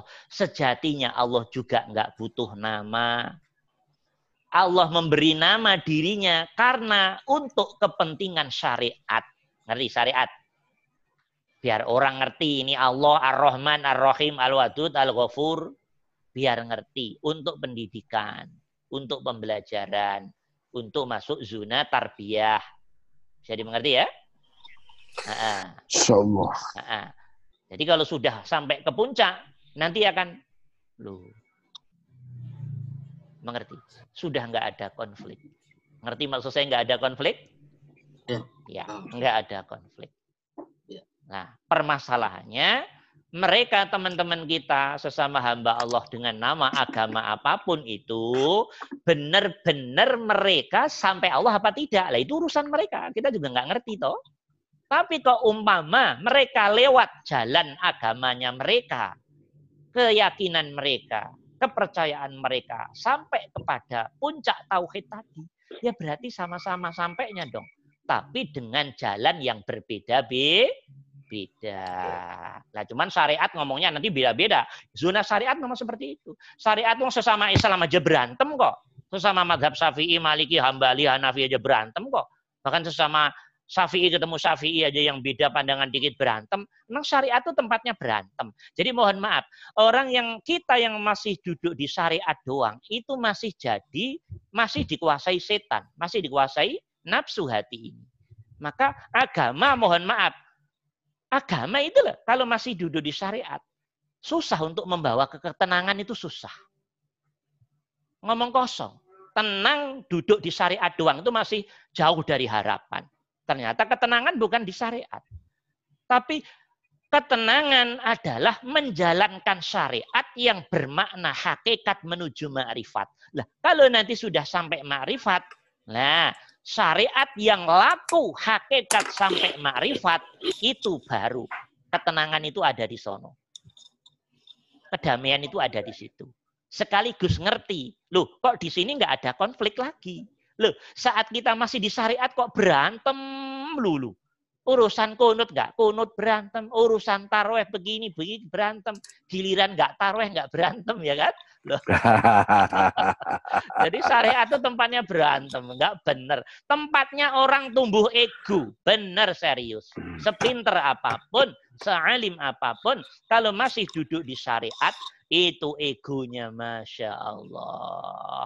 Kalau nggak ego, pasti nyari duit. Kalau nggak nyari duit, nyari apa? Kesuksesan. Kalau nggak nyari kesuksesan, nyari jabatan. Pasti ada tujuan-tujuan yang tersembunyi. Paling halusnya nanti nyari paha, pahala. Pahala. Nah, nyari surga. Kalau ahli tauhid nggak mau gitu, nggak bener semua. Pokoknya tek Allah wis nggak kelihatan duitnya. Tapi kalau dikasih ya mau. Kalau dikasih nggak mau ya? Iya. Nggak kelihatan. Apanya nggak kelihatan semuanya? Yang kelihatan hanya Allahnya. Kok ada yang ngasih duit yang dilihat bukan orangnya tapi Allah. Allah. Allahnya. Kok nggak dikasih duit? Ya nggak sakit hati memang yang dilihat Allah kok. Gitu loh. Paham apa enggak ya ada. Ada lagi pertanyaan? Begitu pak. Begitu pak Catur ya Ya, Pak Catur ini, boleh, ini belum belum jawaban final, tapi ini adalah hanya hanya apa ya pengantar. Satu saat kalau kajiannya sudah lebih dalam lagi akan kita pertegas apa sejatinya maksudnya, ya. Tapi saya hanya ide, hanya ya sebentar sebentar, hanya ngomong bahwa kalau sudah sampai puncak itu sudah tidak ada kon konflik karena sudah sampai tujuan. Ya, udah diberi mengerti oleh Allah. Ya oke, okay, silakan Mas Tarno. Uh, ini Ustaz, pertama uh, maaf ini sedikit tadi sinyalnya ini sempat putus. Jadi mungkin kalau bisa kan ada ini direkam ya Ustaz? Iya, direkam. Iya, jadi rekamannya bisa di apa dibagikan biar nggak uh, mungkin ada yang hilang jadi pemahamannya kurang putus seperti itu. Pertama, yang kedua Ustaz, uh, ini Ustaz, iya, ada orang yang bilang kalau misalnya orang yang syariat aja tanpa tasawuf maka akan jadi apa? Jadi fasik. Kalau misalnya tasawuf aja tanpa syariat maka jadi zindik. Kira-kira gimana Ustaz? Dan kita sendiri sebenarnya kurang-kurang paham ini. Syariatnya udah penuh apa belum? Tasawufnya udah penuh apa belum gitu? Ngukurnya kira-kira gimana? Ya, itu itu pendapat yang sangat populer sekali di kalangan ilmu tauhid, teman-teman ya Orang karo hanya bersyariat doang, sholat, zakat, puasa, haji, umroh, sodako, infak, yang baik-baik dilakukan, tapi nggak ngerti ilmu hati. Coba, sejatinya melakukan kebaikan, tapi nggak ngerti ilmu hati. Sejatinya hatinya ngadep ke Allah apa ke makhluk sejatinya? Tolong dijawab aja sebentar. Ayo makhluk. semuanya. Makhluk, makhluk. Ngadep ke siapa? Ngadep ke Allah atau ngadep ke makhluk? Pahala. Pahala itu makhluk apa Allah? Makhluk, makhluk. Surga makhluk apa Allah? Makhluk. makhluk. Bidadari makhluk, makhluk apa Allah? Iya. Makhluk. Ada juga nanti yang rajin sodakoh biar nanti oleh Allah dibikin lebih kaya. kaya. Itu namanya pesugihan. Islam agama pesugihan. ya monggo monggo terserah lah teman-teman ilmunya begitu ya monggo. Nah, kalau ahli tauhid sudah nggak begitu begitu. Itu kayak anak-anak semua itu ya teman-teman kalau laku syariat tapi nggak menguasai ilmu hati pasti ngadepnya hati itu keluar dari Allah itu pasti teman-teman Lu kok Ustadz berani menjamin pasti bagaimana? Saya buktikan. Saya buktikan satu saja. Mas Tarno dan teman-teman. Saat dirimu sholat, sodakoh, infak, zakat, puasa, haji, umroh, ngurus orang tua, ngurus anak, kerja, dan seterusnya. Dirimu merasa menjadi pelaku apa tidak? Dirimu merasa menjadi pelaku apa tidak? Iya, nggak saya jadi pelaku, Ustaz. Nah, harusnya tidak. Kalau dirimu merasa menjadi pelaku, ya itulah sejatimu. Dirimu itu yang jadi Tuhan. Tapi karena kebelum pahamanmu tentang ilmu hati, maka keadaan tadi kamu anggap benar. Ya oke lah kita anggap benar, tapi masih kelas SD. Sekarang mau belajar SD terus. Nggak sampai tingkat profesor, ya monggo silahkan. Jawabannya di hati teman-teman masing-masing. Tapi kalau saya jawab dengan tegas, syariat itu kalau masih pada zona syariat doang, ngadepnya masih ke Allah. Satu. Yang kedua, pembuktiannya. Saat ibadah ngerosok, aku yang sholat, aku yang sodako, aku yang haji, aku yang ini. Lu katanya ente bilang la haula wala quwata illa billahil aliyil azim. Loh, katanya bilang la ilaha illallah. Katanya bilang asyhadu alla ilaha illallah. Katanya bilang, iya karena budu. Katanya bilang, ani abudullah wajtanibut tohut. Tapi kok dirimu lebih besar daripada Allah. Gimana ceritanya? Itu pembuktian kedua. Berarti benar menurut kalangan syariat, tapi tidak benar kalau masuk ke zona ilmu hati, ilmu yang lebih tinggi. Karena di situ masih ada ego, Mas Tarno, kesombongan. Aku sholat, pasti ngerosok diri kita hebat karena sudah bisa sholat. Bisa menjalankan kewajiban. Bisa. Loh, itu sombong, teman. Coba saya tanya dengan sederhana. Dirimu bisa iman, bisa Islam, siapa yang beri? Allah tak? Nah, dirimu mau sholat, hidayah itu muncul dari siapa? Keinginan baik itu muncul dari siapa? Yang dorong itu siapa? Yang ngasih kekuatan ngangkat tangan, wudhu, sahajud, sampai salam itu siapa? Sejatinya itu semuanya zat hidup, teman-teman. Hidup yang menjadi sumber kekuatan, hidup yang menjadi sumber energi, hidup yang memberi kekuatan pada dirimu, hidup yang memiliki kekuatan itu, hidup yang menguasai dirimu, hidup yang mengendalikan dirimu, hidup yang memelihara dirimu, hidup yang melindungi dirimu, dan nanti hidup yang narik dirimu kepada alamnya. Tapi diri masih sombong gue. Loh, kalau gue itu mari sombong tah. Kapan masuk menyatu dengan tunggalnya Allah? Tek, ini hanya engkau ya Allah. Karena hakikatnya tenagamu, kekuatanmu ya Allah, energimu ya Allah, hidupmu ya Allah, hidayahmu ya Allah, taufikmu ya Allah, inayahmu ya Allah, semua rahmatmu ya Allah. Ya kalau udah dibilang rahmat kok ngomong ini gue. Kalau kita masih duduk di syariat kan begitu tak potongannya. Hati kita ini loh ngomongnya apa? Begitu. Kalau hati seperti itu namanya sombong.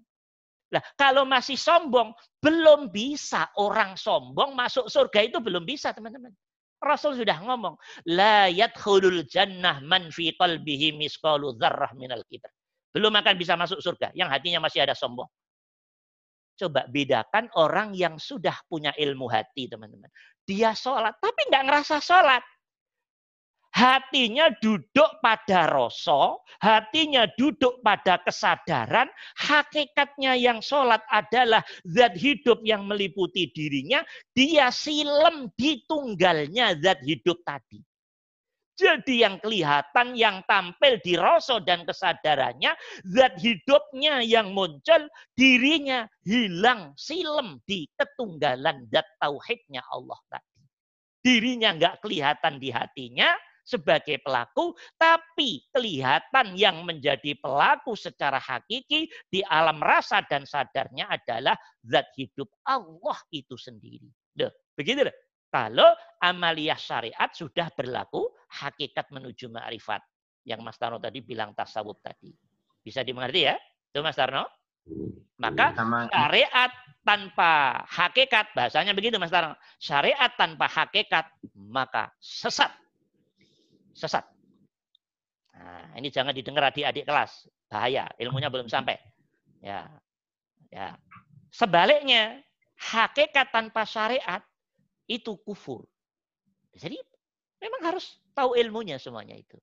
Hakikat tanpa tahu syariat, ya bagaimana? Enggak benar dong.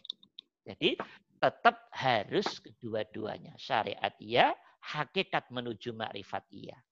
Sholat ya sholat, tapi ngerasa hakikatnya Allah. Hati duduk di situ. Jadi akhirnya rasa itu terus Allahnya itu nyambung gitu loh teman-teman.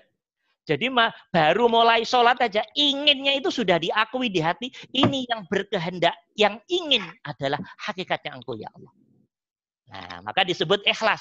Ikhlas itu artinya nggak ngerasa menjadi pelaku. Kalau masih merasa jadi pelaku belum ikhlas namanya. Belum lillah. Lillah itu menyatakan perbuatan itu sejatinya perbuatan Allah. Perbuatan itu sejatinya milik Allah. Perbuatan itu adalah hakikatnya, nisbahnya kepada Allah. Dirimu makhluk yang sejatinya nggak punya hidup. Dirimu makhluk yang sejatinya nggak punya energi. Sejat, dirimu makhluk yang sejatinya nggak punya tenaga dan daya. Masuk kepada tunggalnya Sang Maha Tunggal, yaitu Sang Maha Hidup tadi. Seperti itu prakteknya. Bisa dimengerti ya, Mas Tarno insya Allah? Syariat tanpa hakikat sesat. Hakikat tanpa syariat kufur. Jadi nggak benar kedua-duanya. Yang benar, kalau teman-teman syariat sudah punya, Alhamdulillah, dari kecil udah belajar, wudhu, sholat, dan seterusnya semua udah dipelajari. Nah, tinggal ilmu hatinya. Ilmu hatinya yang perlu dipertajam, dipertajam, sehingga nanti pelaksanaan semua syariat bisa bermakna dan bernilai hakikat menuju ke kemakrifat. Makrifat. Makrifat itu ihsan. Yang nggak mau pakai istilah makrifat, saya ganti ihsan. Karena Pak Abror kapan. Ustaz, ada Ustaz katanya kalau makrifat Nabi nggak pakai istilah itu. Ya kalau kalau candanya begitu mudah saya nyandain. Ya, semua istilah yang ada di agama kita pada Nabi nggak ada. Jadi kalau yang nggak mau pakai istilah ma'rifah, nggak usah pakai istilah itu semua. Ya, dong istilah juga diramaikan ya. Ihsan sejatinya, ma'rifah itu ihsan. Ya, paham ya Mas Darwin insya Allah? Insya Allah. Oke, terakhir ada pertanyaan dari ibu-ibu mungkin, dari perempuan?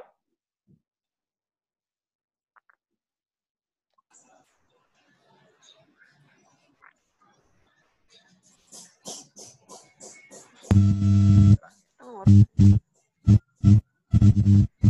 kalau hmm. tidak ada, kita anggap cukup. Mudah-mudahan ada manfaatnya, teman-teman. Nanti yang Amin. ingin yang ingin rekaman ulang, tinggal telepon Mas Ulum saja, biar dikirim via emailnya masing-masing, uh, biar hmm. enak ya. Jadi biasanya kelas yang peserta tidak masuk, biasanya oleh admin kita langsung dikirim rekamannya, biar kasihan kalau mereka ketinggalan uh, pelajaran dan tidak paham. Ini hal yang sangat berguna untuk hidup uh, dunia dan akhirat kita. Okay, sementara alhamdulillahirabbil alamin, mudah-mudahan ada manfaatnya. Tolong dihafal teman-teman ayat tadi ya, kemarin tadi dibaca berulang kali, dihafal terus direnungkan. Setelah itu dijadikan bacaan sholat biar menjadi jalan hidayah. Alhamdulillah. Amin, amin. Cukup sekian. Selamat malam, selamat tidur, selamat beristirahat, selamat mimpi yang indah ya. Saya cukup sekian. Assalamualaikum warahmatullahi wabarakatuh. Waalaikumsalam warahmatullahi wabarakatuh. Bu Upi, udah pinter ini.